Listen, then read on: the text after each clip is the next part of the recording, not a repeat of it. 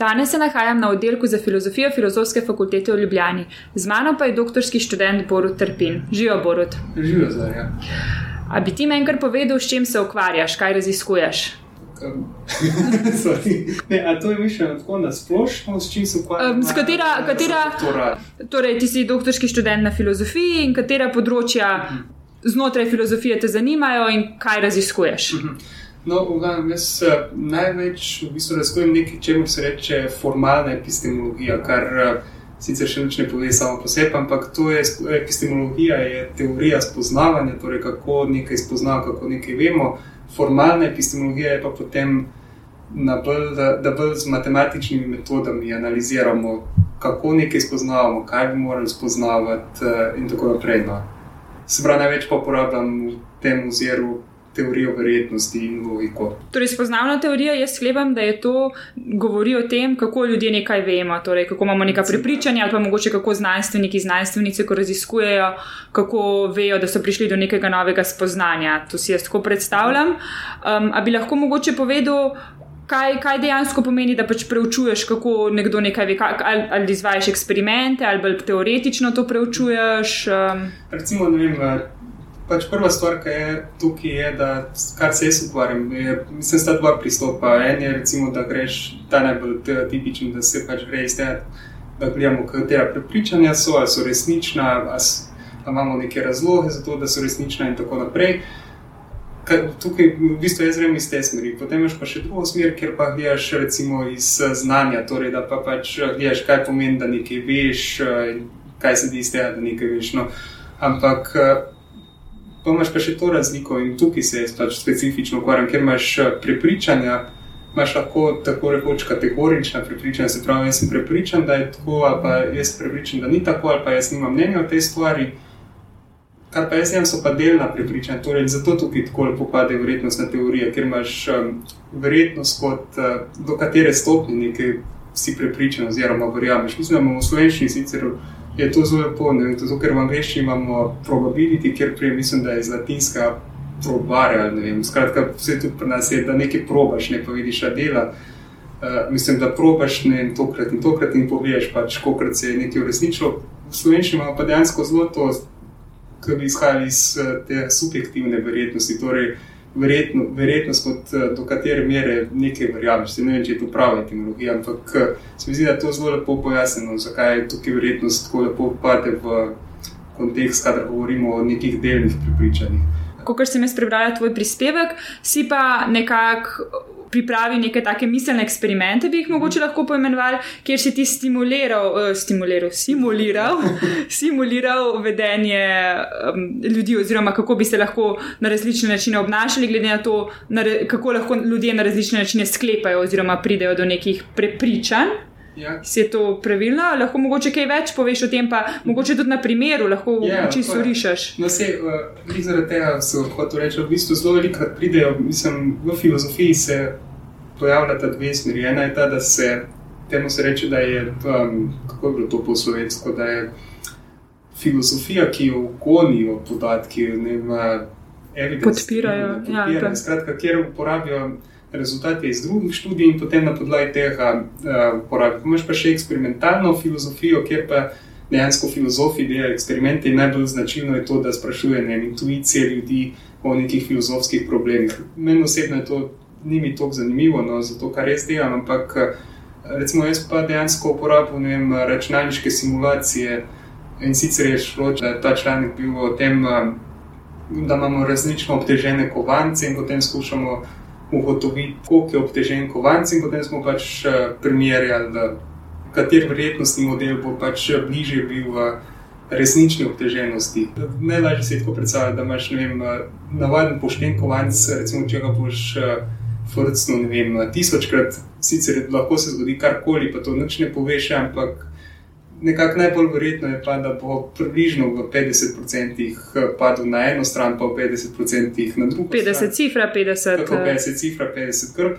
Če je pa obtežen, bo pa različno. Recimo, če je 70% obtežen uh, proti glavi, boš pa še lepo potem naknadno enkrat gotovo, da smo prevečkrat uh, pač ne glava, na grb je to, uh, da malo prevečkrat na grb pade. Ne? In potem lahko potem sklepaš, da najprej je bolj verjetno tako, da je, tale, da je malo obtežen, oziroma koliko točno je obtežen in tako naprej. In kar smo videli, je to, da skratka, zelo popularen je en, en način, kjer se mu reče tako imenovano bezovsko učenje. In obstajajo zelo močni tudi filozofski, normativni argumenti, zakaj nekdo moral slediti tem pravilom. Torej, bajezijansko učenje je to verjetno. Ja, torej, bajezijansko sklepanje. Sklepanje. Ja, oziroma tudi učenje. In kakšno, kakšno, kakšnemu pravilu sledi? V bistvu sledi enemu zelo enostavnemu teoremu, iz, ki sledi iz aksiom, standardnih aksiomov verjetnostne teorije. In to smo dejansko ravno danes delali na vajah. V bistvu se v treh korakih priješ, če uporabiš pač te osnovna pravila um, vrednostnega računa, priješ v treh korakih um, do Bezova teorema. In sam teorem, sam posebej, ni neki zelo zanimiv, ampak v bistvu pokaže se pa lahko, da če uporabiš, če da, dodaš neke dodatne domneve v tole in uh, potem v ta model in potem. Uh, zmeraj pač eh, se učiš tako, da spremenjaš svoje prepričanje na tak način, da slediš temu teoremu, potem uh, si tako rekoč racionalen v tezi. No, kar so pa mi dva pokazala, je pa to, da sicer za nek malo drugačen, ne čisto ali klasičen bezovski, ampak eh, da če pa dodamo, vem, da malo. Porinemo naprej tiste hipoteze, ki niso samo najbolj verjetne na podlagi teh aksiomov, ampak da, da malo porinemo tisto hipotezo, ki preskrbi najboljši razlog tisa, kar si. Torej, da sklepamo na najboljši razlog še v dodatku tega bezovskega, da potem dejansko mnogo pač sicer kršimo te pravila, pa obstajajo argumenti proti temu, ampak v mnogih primerjih, ki so bolj praktično življenjski. Pa to ti zelo pomaga. No. Kaj pa pomeni sklepanje na, kako si rekel, sklepanje najboljšo razlago? Recimo v tem primeru bi bilo, da ne sediš samo Tako so mi, da sem jaz, zato ker so dejansko imeli te obtežene kovance. Recimo, če boš ne sediš samo tem pač pravilom vrednostne računa, ampak enostavno ne, če je kovanc, kot se reka, sedemkrat padel na cifro v desetih primerih, potem je najboljša razlika, da je 70% obtežen. Torej, tisto hipotezo samo porineš naprej še. Torej, na nek način tudi najlepša, najbolj, na, najbolj enostavna Mislim, razlaga. Drugače je cela znanost tukaj, kaj je najboljša razlaga, ker ampak ja najboljše razlaga, najlepše, velikrat res. Uh, Ja, to sem se slučajno spomnila, ker sem brala nek članek sicer v, z mojega področja o ja. kogniciji otrok, kjer so, kjer so gomi, ja, loveliest, loveliest explanation, ja, o tem govorijo. Likelihood, um, pač ta je bajezijanska, ne, in pa na drugi strani ima pa to najbolj prikupna. Ja, ne, zato ker to je v bistvu problem, ne, pr, če malo preskočimo tole v najboljšo razlago. Ne. Mislim, moj problem to zato, ker če vzamemo ne vem, neko teorijo zarote. Ne? Oni imajo zelo dobre razlage, mislim, oni zelo dobro pojasnijo vse, kar se je zgodilo. Vem, če gledamo tole, zakaj je vem, na Luno takrat, ni zarešil tale Armstrong na Luno. No, oni zelo dobro razlagajo za vse, zakaj bi pač vlada to delala, zakaj bi to prekrivali. Skratka, oni vse zelo dobro razložijo. Tukaj je zelo težavno, da če sklepamo na najboljše razlage, ne smemo pač moramo na nek način eliminirati. Uh, recimo, teorije zarot in kako ugotoviti, kaj je teorija zarot. Skratka, to so taki problemi, no, ki se pade točno v. Eh, spoznavno teorijo oziroma epistemologijo. No. Mhm. Kako potem v bistvu na nek način pokazati, da neka teorija zarote ne drži, čeprav ima zelo lepo razlago, pa zelo preprosto, Recimo, tudi na nek način, ne, taka, da, da so v bistvu v širše množice dovzetne za njo, ne, čeprav Recimo, očitno ni pravilno. Mene kot eh, formalnega epistemologa pri tem zanimalo, bi bilo pa dejansko to, kako lahko formaliziramo, torej, da lahko potem dejansko tudi v drugih disciplinah to uporabljamo, ampak kako lahko potem mi na malo bolj splošen način ugotovimo, kdaj je neka razlaga dobra, pa kdaj ni. -hmm. Kar je okay. slišiš zelo enostavno, ampak v resnici se s tem ukvarja precej ljudi, pa je zelo težko. Torej, bi na nek način bi lahko vi, mislim, kot, kot sem tudi videla no, na tvoji ja. spletni strani, se ti imaš navedeno filozofijo znanosti, da se s tem epistemologijo, mm. pa filozofijo lingvistike, se mi zdi, jezika, ja, mislim, da imaš tudi ja. jezika omenjeno. Ja. Ampak recimo, če greš gre na začetek filozofijo znanosti, bi na nek način lahko s temi tvojimi raziskavami tudi neko okvir dal nečemu, kar bi bilo, kako lahko tudi v znanosti pridemo do spoznanja ja. ali pa pač nam dal tistim, ki, oziroma znanstvenikom, znanstvenicam, ki bolj empirično, recimo, delajo psihološke eksperimente, bi jim lahko dal na nek način neko idejo. Um, kako se loti tega in pač, da, res, da, da bi res znanstveniki, znanstvenice sledili um, nekem racionalnem mhm. poti do spoznanj na nek način. Ja, v bistvu se to me malo tudi ne spomne na to, ker uh, en tak znan, pa ne vem, kdo je to rekel, ampak uh, nekdo, ki je bil ostro proti filozofiji znanosti, je rekel, da filozofija znanosti za prave znanstvenike nima nobene povezave. Rekel, to je tako, kot da bi uh, pti, ptice učil o ornitologiji, ker to ne bi več pomagalo, pač, če oni berejo ptice knjige o ornitologiji. yeah. Ja. Ampak, uh, kot je pa rekel en kolega moj. Uh, Je rekel, da smo to pač rekli, kaj si mislil, kako on je dejansko delal pač kot znanstvenik, ne? pa ni filozof, ampak ima tako zelo odprto filozofijo. In je rekel, Ja, če bi se rekel, kaj on misli, tem rekel, ja, če bi ptice znale brati, bi po mojem zelo dobro koristilo, da bi imeli ornitologiji, da bi mnogo stvari lahko rešili. No. ja, ja, verjamem. Ja. Pa recimo, da bi verjetno tudi druge vrste kopirale, ker bi se kaj novega ja. naučile, kako rešiti kakšen problem v naravi, kako Tako, zapolniti ja. kakšno novo ekološko nišo. Zdi se mi, no, da je da dejansko filozofija znanosti dejansko malo vpliv tudi na druge. No. Mm. Mogoče ne, kot bi si mi želeli, ampak manj, ker zdaj je cela kriza, recimo, za tem. Točno to sem hotel, to sem zdaj. Ne, kaj je to, no, ta lepi.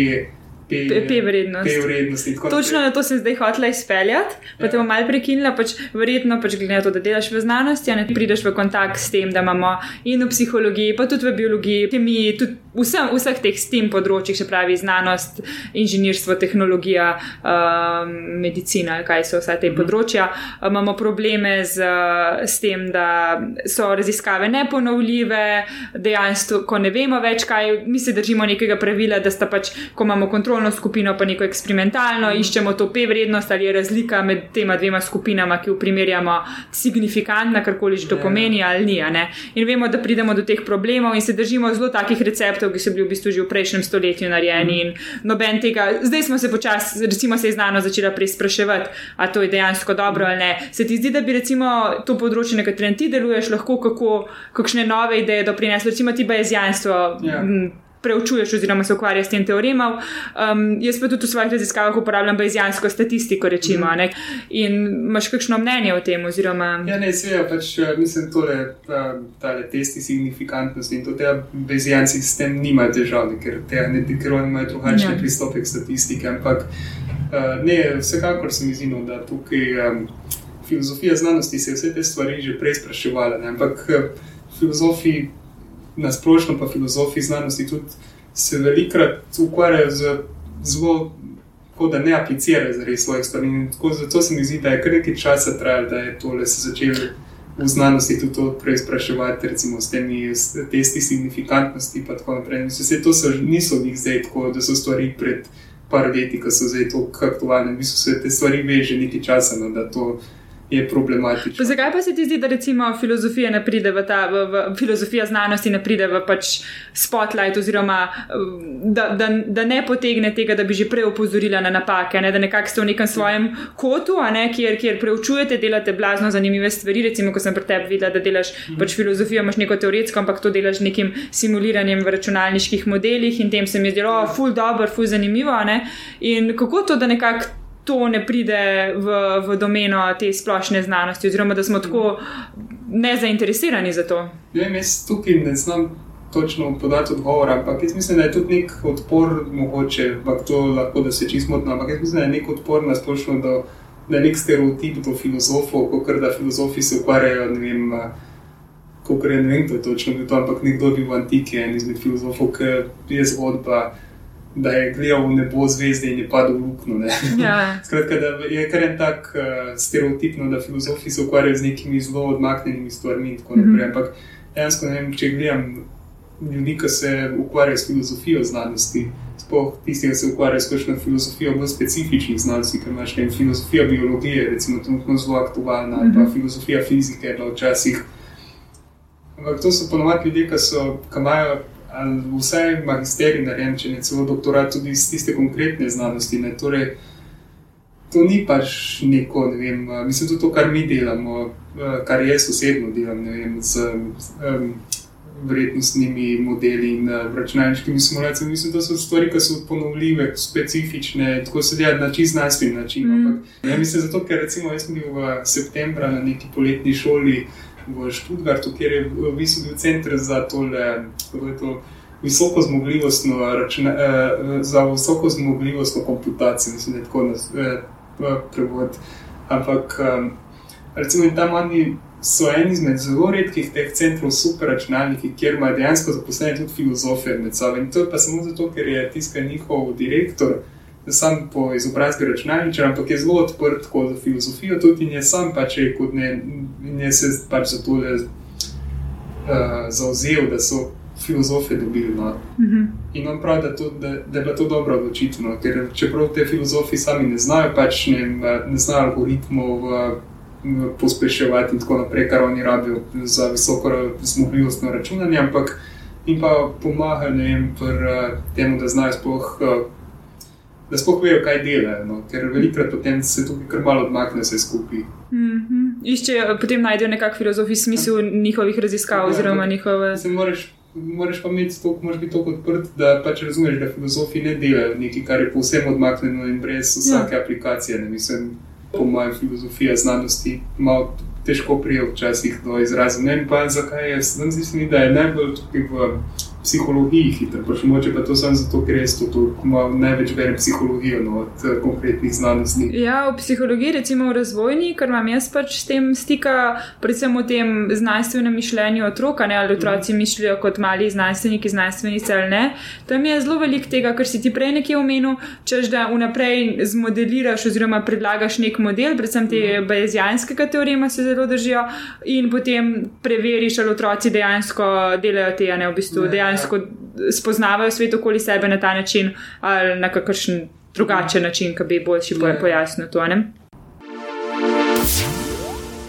Predstavlja se zdaj ta članek, v katerem si v bistvu primerjuje, kako lahko pridemo, pridejo različni ljudje do različnih spoznanj in kako jih lahko obnavljajo in do nekih prepričanj. O čem si se pa, kaj bi bilo to neka glavna tema tvojega doktorata? Je ta, ta mhm. sodi zraven ali si se s čem drugim ukvarjal? No, v bistvu je to bilo malo ločeno no, od uh, mojega doktorata. Uh, mislim, da sem pozval prepovedati, da tukaj, kar smo pokazali, kar smo pokazali s avtorjem, uh, je to, da bezonski modeli, čeprav so to popularni trenutno kot ta odziv na vse, kar je narobe v svetu znanosti in v filozofiji, klasični. No, mi da so pokazali, da pa ne niso zmeraj najboljši. No. Tukaj ja. se mi zdi, da je tudi je, mogoče ta problem, ker filozofi zmeraj stojimo malo en korak ven iz vsega in smo zmeraj kritični do tega, kar delamo. No, ne bo več le zdaj no, v podrobnosti. Ja, um, no, pa da je zdaj doktorat pogledati. No, zato sem to rekel. To je v bistvu nek podaljšek, ker v doktoratu pač še zmeraj sedim, pa je še zmeraj tudi da so bezovski modeli in pristopi zelo močno urodje no, za mhm. kar koli idemo. In jaz sem pa delal nek problem, ki je kako. Posodabljati prepričanja, kadar je nova informacija v obliki pogojnika. Torej, če ti ponovadi imaš novo informacijo, tako da je pač uh, direkt dana, ne vem, ti rečem, zunaj je noč, pa se potem pač iz tega nek, nekako spremenijo tvoje prepričanje. Če ti pa rečem, ne vem, nekaj v pogojni obliki, da rečem, ne vem, um, če dežuje, potem uh, so ceste mokre. Ti pa dejansko nisi rekel, niti da so ceste mokre, niti da niso mokre, niti da dežuje, niti da ne dežuje. Ne? Potem je pa tukaj malo težava, to, kako kako potem to formaliziramo. No? In s tem sem se jaz ukvarjal. Mhm. In kako potem to pač formaliziramo, ne vemo, če je dež. Ne vemo, če so ceste mokre, um, lahko kaj več o tem poveš. Kako, kako... Sem jaz pač eh, potem iz tega dela, mislim, da sem potem sledil eni rešitvi, ki so jo vsi zavrnili, ker je v resnici najbolj enostavna. Torej, že odprej obstajala v filozofiji, samo so jo nekako zavračali. Ker je niso, ker je niso po mojem mnenju, vseeno, ker je niso do konca izpeljali. No. In... in to je pač, da sedimo v najbolj klasični semantiki za pogojnike, tako imenovani materialni pogojniki, kjer je, če ti rečem, če, če dežuje, potem so ceste mokre, je enako temu, kot da bi rekel. Bodi si ne dežuje, ali pa dežuje in so ceste mokre. Mm -hmm. Torej, da imamo pač eh, neko, da lahko iz pokojnika naredimo v neko tole disjunkcijo. Disjunkcija je torej se pravi ali stavek. -hmm. Ampak eh, problem je, ker če temu samo tako na tak naiven način sediš, potem priješ v ene čudne posledice, kjer nikoli ne moreš biti bolj prepričan na koncu, da je ta prvi del povojnika resničen, kot pa ne. Ampak jaz sem pa potem pokazal, da pa če pa dodamo, vem, da, se, da se naučiš od neke stvari iz konteksta, oziroma da imaš neke stvari, ki jih veš iz ozadja. Pa če potem dodamo še neke tako imenovane bezovske mreže, potem nam pa ta zelo preprosta rešitev dejansko privede do tega, kar bi želeli. To je, to je logika, sklepam, oziroma sodi v logiko, To ali je kaj v to sodi. kombinacija logike in vrednostne, Vrednostnega ja. računa in to potem verjetno je v tvojem doktoratu ni samo, kot bi si nekdo predstavljal, doktorat filozofa, uh, pol, p- zelo debelo knjigo, pol, polno teksta, ampak verjetno imaš tudi kar nekaj enačb v, v Ja, kar svojem doktoratu. enačb je. Kar nekaj Ja, enačb ja. vrednostnih računov. Mislim, da je dejansko rekel moj doktorat za zelo eno zelo specifično vprašanje, ker je bilo, mislim, je bilo samo zato zanimivo, ker kadar sem. Kako pa si odkril to vprašanje? Ja? Mislim, to je bilo eno izmed uh, nerešenih vprašanj. Je Eno, mislim, se je zelo veliko kontroverznih vprašanj v filozofiji, oziroma v, tudi v, specifično v formalni epistemologiji. Ampak ne, meni je bilo pač je bilo zanimivo, ker uh, je bilo nekaj eno izmed tistih, kar je nerešeno. Zdaj pa od takrat so bili ene par člankov je bilo, bilo objavljenih, pa vsak ima neko drugačno. Ni, mislim, da stvar še ni rešena. No. Mhm. Zdaj zato bom skušal bom enkrat nekaj iz tega še objaviti. No. Evo pa smo pri koncu našega podcasta. In imamo teh sedem klasičnih vprašanj, pa kar začniva z vprašanjem, ali se spomniš kakšne zabavne ali zanimive anekdote povezane s svojim mentorjem ali mentorico. Ja, ta, to sem razmišljal no, o tem, ko sem videl, da bo to vprašanje, ampak eh, ta je malo težko, no, zato ker eh, da bi bila neka specifična anekdota, to ne vem. No. Zdaj sem rad še mentorja, eh, so mentorja iz uh, tujine in mentorcev iz eh, iz uh, oddelka, ampak bi pa imel neko specifično anekdoto, ne, to pa ne vem. no. Okay. da Bom mogel preskočiti. No. Naslednje vprašanje je, kako so se od opisa do danes spremenile tvoje pričakovanja glede doktorskega študija in ali bi se ponovno odločil za doktorski študij. Kaj bom najprej odgovoril na ta drugi del vprašanja. Mislim, da bi se skoraj zagotovo pač ponovno odločil za doktorski študij, mogoče pa ne v eh, tukaj pač na Univerzi v Ljubljani, zato ker pač je malo problematično, kar se tiče financiranja. in tako naprej, Oziroma dejansko financiranja, razen če dobiš kot mladi raziskovalec, ga ni. Ne. Mhm, Ti nisi bil mladi raziskovalec. Ne. mladi raziskovalec, ne. In kako si si potem V financiral? bistvu sem si sam financiral, zato ker so najprej so takrat se še obljubljali, da bo schema sofinanciranja, ampak potem smo je že kar malo naprej, no pa smo že za tujino stvari, za drug letnik, so povedali, da pa ni prišlo do dogovora. In si, si potem na koncu kakšne štipendije si tudi pridobil, ali si, Mislim, mo, imel sem- si zraven doktorskega sem- dela še um, Mislim, delo? Malo, malo sem delal, no, malo sem imel, to, imel sem nekaj časa še Cojcovo štipendijo, pa kar sem v tujini, sem pač vmes sem bil tudi v tujini, ne parkrat eh, sem imel pač recimo od uh, Nemško, uh, tole. Nemška akademska služba, mislim, da to je neka vladna zadeva, da Mhm. sem pač od njih imel tudi štipendijo in tako naprej. No. Mhm. Okay, potem si tudi kaj učil, morda uh, Ja, kot mislim, asistent? Sem, zdaj sem že, mislim, da bom zdaj že dve leti, no, odkar sem habilitiran za asistenta, tako da v prvajah ja, sodelujem. Super. Okay. A Ja, ne, pa še, še prvi del vprašanja, pa kako so se spremenila pričakovanja.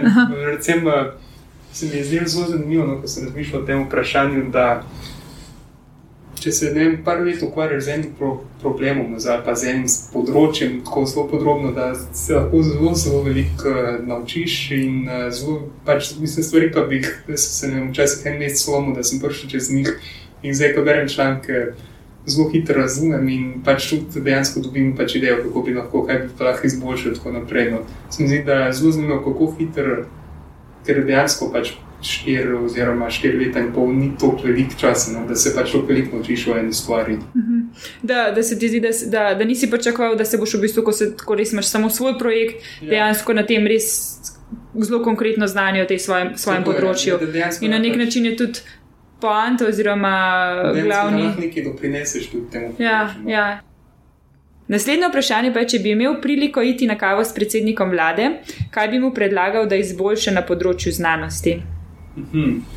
Ja, mislim, ne vem, kako se to pač reči predstavljati, te stvari, ampak če bi mogli dve stvari izpostaviti, je pač ja, prva je ta, no, da pač je treba za mlade znanstvenike in znanstvenice malo pač eh, drugačno politiko imeti. No, kako kar sem rekel, recimo za mlade raziskovalce lahko dobiš, to je sicer zelo dober sistem in to se mi zdi, da pač bi mogel ostati, ampak eh, po drugi strani ima pa tudi nekaj težav, recimo, da pač gleda se, kdo bo dobil, se gleda, kdo bo mentor, ne gleda se recimo prvenstveno, kdo bo kandidat ne, in potem mentor zbira. Ampak tu sploh ni to problem, bolj je problem v tem, da vsi ostali pa ostanejo brez financiranja. Ne. In je pač premalo mest na koncu za financiranje. Ne vem, potem se mi zdi, da tukaj je zelo težko potem delati doktorat. No, in, da, če bi jaz vedel, da bo tako bilo, ne, se potem ne bi upisal tukaj. Mm. Ampak. Uh, Recimo, potem, ko narediš doktorat, je tudi zelo težko pri nas dobiti, recimo, po doktorsko mesto ali pa neko pač redno zaposlitev.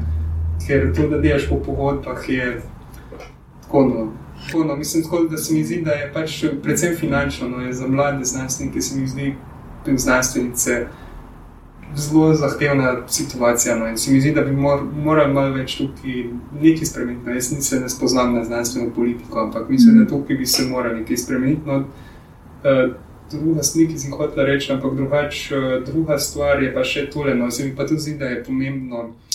Da bi se malo pač ta znanstveni prostor malo internacionaliziral, ker vem, kar sem videl, kar sem bil po ne, bil sem v Barceloni, pa bil sem v uh, Nemčiji, v Münchnu. To so pač centri, kjer so pač zelo kompetentni centri, so v, za filozofijo, ne so v, v samem vrhu pač znanstvenega mm. dogajanja, oziroma filozofskega dogajanja. In uh, vsi ti centri imajo tako, no se mi zdi, da polovica, recimo, jih je pač iz tiste države, kjer so polovica, ne in profesorjev, in študentov, je pa pač tujih. Ne, ampak pri nas dejansko ni tujih študentov, zato ker je profesorjev pa sploh ne, zato ker je pač toliko omejitev, recimo z jezikom. Jaz sem doktorat pisal v angleščini, dokler imam so mentorja iz uh, tujca, ampak uh, mislim, da mi je bilo že to. Nekako malo hecno, da moraš pač zaprositi, moraš za to in ti mora komisija odobriti, da lahko pišeš doktorat v angleščini. Čeprav, mislim, napišeš, to mi je čisto prav se mi zdi, da se razvija jezik, jezik in terminologija. Tako, ampak in zato tudi napišeš potem 10% povzetka v slovenščini. Ampak dejansko pa moraš zaprositi. No, mislim pa, stvari so take, kjer. Pač, kad delaš ti doktorat, delaš nekaj, pa, pa kadar delaš katero koli, pač znaš, delaš zelo specifične stvari, ki za nek prostor, kjer je 2 milijona ljudi, je to zelo mehko prostor. No. Se mi zdi, da znanost je nekaj, kar pač presega vem, nacionalnost in države. Uh -huh. Tako da se mi zdi, da tukaj bi se morali pač malo bolj odpreti, da bi dobili in tu je profesor, je tudi in posveča tudi tu je študent. No. Ampak vse to je pa po mojem najbolj povezano tudi s financiranjem, spet v končni fazi. Uh -huh. Ampak 2 milijona ljudi je zelo težko. Pač, uh, mislim, imamo zelo dobre ljudi, se sedi tudi v športu, da smo slovenci zelo dobri ljudi. Uh -huh. Ampak ne moreš pa pričakovati, da bomo pač bili vsemu pač najboljši, ali pa bi se moral potem zložiti na podjetje samo pet stvari. Mm -hmm. Zato mislim, da ni kul. Cool. Ja, verjetno rabimo široko znanost. Ja. Um, vse stvari, se strinjam. um, kaj boš počel čez pet let, in kje se vidiš čez 40 let? Hmm, kaj bom počel čez pet let, to je tako. Ne? Mislim, v tem akademskem svetu upam, da bomo ostali v akademskem svetu. Ampak to se tudi s tem vidi, ker mi je primk trpin. ampak, um, za, ampak ravno zaradi tega, ker um, dejansko je tako ponovadi, da trenutno sicer nekaj kaže, da bom dobil nek podoktorski projekt naslednje leto, ampak potem pa ne vem naprej. No, Domnevam, da bo tako, no, da bo pač upam, da čez pet let že v nekem bolj stabilnem uh, položaju, ampak zelo možno, da tudi ne bom pač na kakšnih teh eh, podoktorskih projektih. Ja, nažalost je položaj ja. mladih znanstvenikov in znanstvenikov povsod po svetu. Ne, si vsi zelo pravi, da je pač realno zelo, bijeno, je pač kot ja. da. So pač to prekarni. Prekarni in se selijo po letu, dveh, mm. zmeri znova. Ne, da tukaj si pač ne nekih utvarno glede tega, ampak uh, zato pa težko rečem, kje bom čez 5 let. Čez 40 let je pa že bolj zanimivo, ker mojem času zaključoval pač svoje delovno dobo.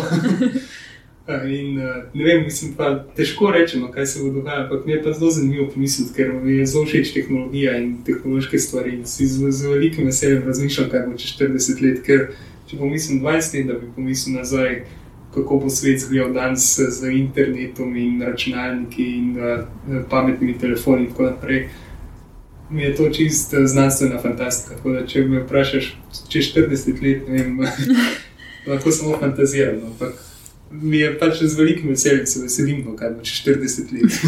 no, ker se tako veseliš tehnologije in si očitno tehnološki navdušenec, ja. imaš morda za druge doktorske študente in študentke kakšno tehniko za upravljanje s časom ali pa morda predvsem računalniški program, ki ti je olajšal delo na tvojem doktoratu in prihranil čas. Ja, recimo tukaj bi lahko mogoče dva izpostavil, ampak eh, en je mislim, da je bil že omenjen v tem podkastu prej, to je Mendeley, kjer je v bistvu nek program, kjer ti zbira, uh, ti, ti noter nalagaš sam uh, članke, ki jih bereš in potem. Uh, Je zelo fajn, eno zato, ker potem, če uporabljaš kakšen sistem za citiranje, kadar pišeš, ti tudi izvoz vse ven. Pa, jaz se dobivam potem vsak teden ali pa mesec, se dobivam tudi priporočila, kaj drugi, ki imajo podobne interese, berejo. Tako da dejansko, dejansko tudi za kakšen članek, ki pa mogoče drugače ne bi prebral, potem dobim uh, uh, namik uh, iz tega. Skratka, to se mi zdi zelo dobro. No, ta element je pa tudi. Uh, Sinhronizirati članke za to, in, in imaš, recimo, včasih pa se to je bolj redko, ne? ampak včasih se pa zgodi, no, da se s kom pogovarjaš, pa o kakšni pač strokovni stvari, pa nisi računalnik, pa rečeš, čakaj bom pogledal telefon, pa potem pač eh, imaš itak že bazo noter vseh člankov svojih in lahko pač hitro pogledaš, a to v tem članku tudi mm -hmm. piše noter. Tako da to je en, drug, pa ne vem, koliko je pač za res za vse uporabno, ampak uh, mislim, zapisati je meni zelo dober program. Ni program, v bistvu pro, ne vem, kako bi se temu rekel. Okolje, okolje, ja. okolje, ne vem, to je skratka Larteh. Uh, In je ena zelo dobra spletna stran, eh, ki je spet brezplačna, Šerlatih eh, se imenuje, kjer je pa zelo fajn, ker če sodeluješ z nekom ali pa z več so avtori tudi lahko, potem je tako na, na tak način, kot najlažje predstavlja, da rečemo kot Google Docs, kjer pač še večina ljudi pozna Google Docs, ampak ta je kot Google Docs, ampak da je za pisanje latih kode. In je zelo kulno. In jaz to pravim tudi. Uh, za sebe osebno, zato sem ene parke zgodil, da sem pač že offline da, in se mi je sesulo, vem, da sem pač pisal članek, pa se mi je sesulo po eni uri, pa nisem se vedno shranjeval. Ker tukaj, če imaš po oblaku, se mi pa skozi sinhronizira, pa tudi imamo vse svoje prispevke lepo posinhronizirane noter. Tako da to me je res kulno, da le še vlatek. Uh -huh. Ampak je pa to samo za tiste, ki uporabljajo vlatek, zanimivo. Uh -huh. Bova, bova kakšne povezave ja. dala v, v prispevek Tako. potem na naslednji strani. Imáš kakšno priporočilo za knjigo, igro, film, spletno stran ali podcast? Knjigo. Hm, knjiga, mislim, da nisem neki full-bro že nekaj časa, če imam diplomo iz uh, primerjalne književnosti, ampak zadnje čase sem res in bral samo članke in poglavja znanstvena. Ampak drugače, pa kar se tiče knjige, ne vem, meni so od literature so mi najbližje tako no klasiki, moram reči. Ampak če moram priporočiti nekaj, bi rekel. Recimo za dramo, bom pa šel po žanrih. No. Za dramo bi rekel Shakespeare, ker to je res kulno. Shakespeare je, ne, ampak res jaz. Ti si imel tudi nek zanimiv članek, ne? Nek, nek članek imam ja, v, o Shakespeareu, um, ker dejansko sem se s tem začel ukvarjati v diplomi, ampak ta članek, ki bo zdaj uh, enkrat išel, je pač nekaj, je bolj povezan s tem, kar je doktoratom. Ampak um, je spet o, o Shakespeareu in povojnikih pri Shakespeareu. Ampak ne, mislim. Eh, če bi že mogel eno dramo, to je, kar sem jaz gledal, je eh, Richard II. Ampak eh, mislim, katera koli, no, kadar začneš Shakespearea brati bolj podrobno, se mi zdi, da je toliko skritih stvari, pa še boljše, če lahko po izvirniku. Vsi so prevodi so dobri, ampak pač on tako mojstersko z jezikom dela, je če bereš izvirnik, še več teh nekih um, podplatinov. Okay. Podplastin, kratko, to je bila zdaj drama. Zdaj, če pa grem na, na romane, mi je pa, da izpostavim nekaj, kar mogoče ni tako splošno znano. Bi pa rekel od Tomasa Hardija, uh, ne, ne bom Tomasa Hardija. Rečem, mislim, da sem reči čisto žensko, to je zelo fajn roman. No. Te so izubr, ne vem kako se zgovori, izubrvilo ali ne vem. To, to je kulno, to je, uh, pa, ampak še bolj kul je, pa to je pa res dobra knjiga, na to pa res priporočuje pa od uh, Lorenza Strna, uh, Tristram Shendi. To pa, mm -hmm. imamo tudi v slovenskem prevodu in je fantastična knjiga, sploh če pomisliš, kdaj je bila napisana. In uh, je v bistvu avtor uporablja že metafikcijske pristop, postopke, torej da se zavija sam, sam sebe, da piše in tako naprej. In to je pač res zabavna knjiga, to bi priporočil. Potem pa vkusom mi tudi, uh, aha, če ne zdaj v drama. Roman. Roman, pa še uh, poezijo. Za poezijo bi pa rekel, recimo, Katijo Plutno. Katija Plutno od slovenskih pesnic mi je zelo kul. Cool. Uh, Je kakšna zbirka njena? Ali? Ja, recimo uh, kresničke ali pa ja, kresničke je kar kul. Okay. Uh, potem je pa še um, otroške, to mi je tudi všeč. Otroške knjige, ok. to mi je tudi všeč, otroške knjige imam zelo radno. od avtorjev mi je najboljši ta Roald Dahl. Recimo, če bi lahko eno izpostavil, bi rekel veliki dobrodušni velikan oziroma VDV, to je zelo fajn za brati, ampak ena, ki pa zelo fajn v slovenskem prevodu je pa, se mislim, da je cela zbirka, ampak ne vem, kdo je avtor, ampak naslov je Graužarije gospoda Gnilca in je odličen prevod, torej mislim, da je pižama prevajal. Mm -hmm tako smešna knjiga, da pač jaz, ki sem odrasel človek, no, pa se je tako zabavno, da sem to bral. To, to dejansko priporočam vsem. Pa spet je malo metafikcijska, čeprav je otroška knjiga, tako da to je res fajn. No. Super. Ker mislim, da se tole vse knjige. Ja. Knjige, druga je ja. igra. Ja. Če imaš kakšno igro, to je, to je, mis, to je misleno na, eh, na mizne igre. Ali pa ono, lahko tudi računalniško igro. Igre ne greš. Filmi? Filmi. Ne, Ali serije lahko tudi? Se, serije, ja, ne vem. Uh, mislim, da serije tako gledam, da so še tako lahkotne stvari. No, ampak uh, Seinfeld, pa ne vem. Uh, Rick and Morty, čeprav v njih zadnjih sem prav, da če hočeš humor od Ricka and Morty razumeti, moraš imeti uh, napredno razumevanje teoretične fizike, ker so zelo subtilni. Aha, ok. Na skratka, to, to, to mi je puno, ampak. Uh, Ja, to, nisem, nisem že nekaj časa gledal nobenih serij. No.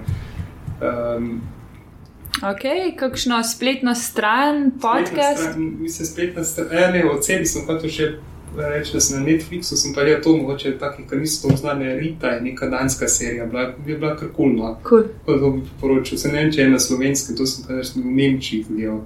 Ker tu ima neki geo, geo zaklenjeno. Ja, ja, glede na to, kje si. Ja.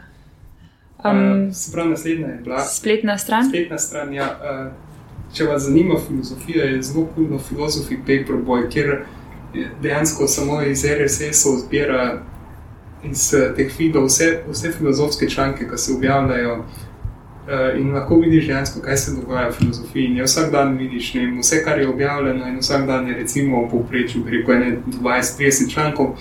Ampak vse so, mislim, so iz vseh različnih področji. Ampak Jaz dejansko pogledam, da če sem dan zjutraj, ko začnem, pač pogledam, kaj je novo, in če me kaj zanima, pač eh, preberem. Ne. In je zelo veliko stvari, ki bi jih drugače mogoče spregledal, ker je ne mogoče pač slediti vsemu, kar se dogaja. Mislim, se, če en drug prebereš abstrakt od tistih, ki so ti zanimive stvari. Vidiš. Ampak mislim, da je to za tiste, ki niso v filozofiji, mogoče zanimivo videti, kako veliko se pa vse dogaja. Mhm. Um, koga od nam znanih ali neznanih bi povabil na večerjo? Če ne bi bilo nobenih omejitev. Hm. Ja, tukaj sem tudi razmišljal, kaj sem pričakoval to vprašanje. Sicer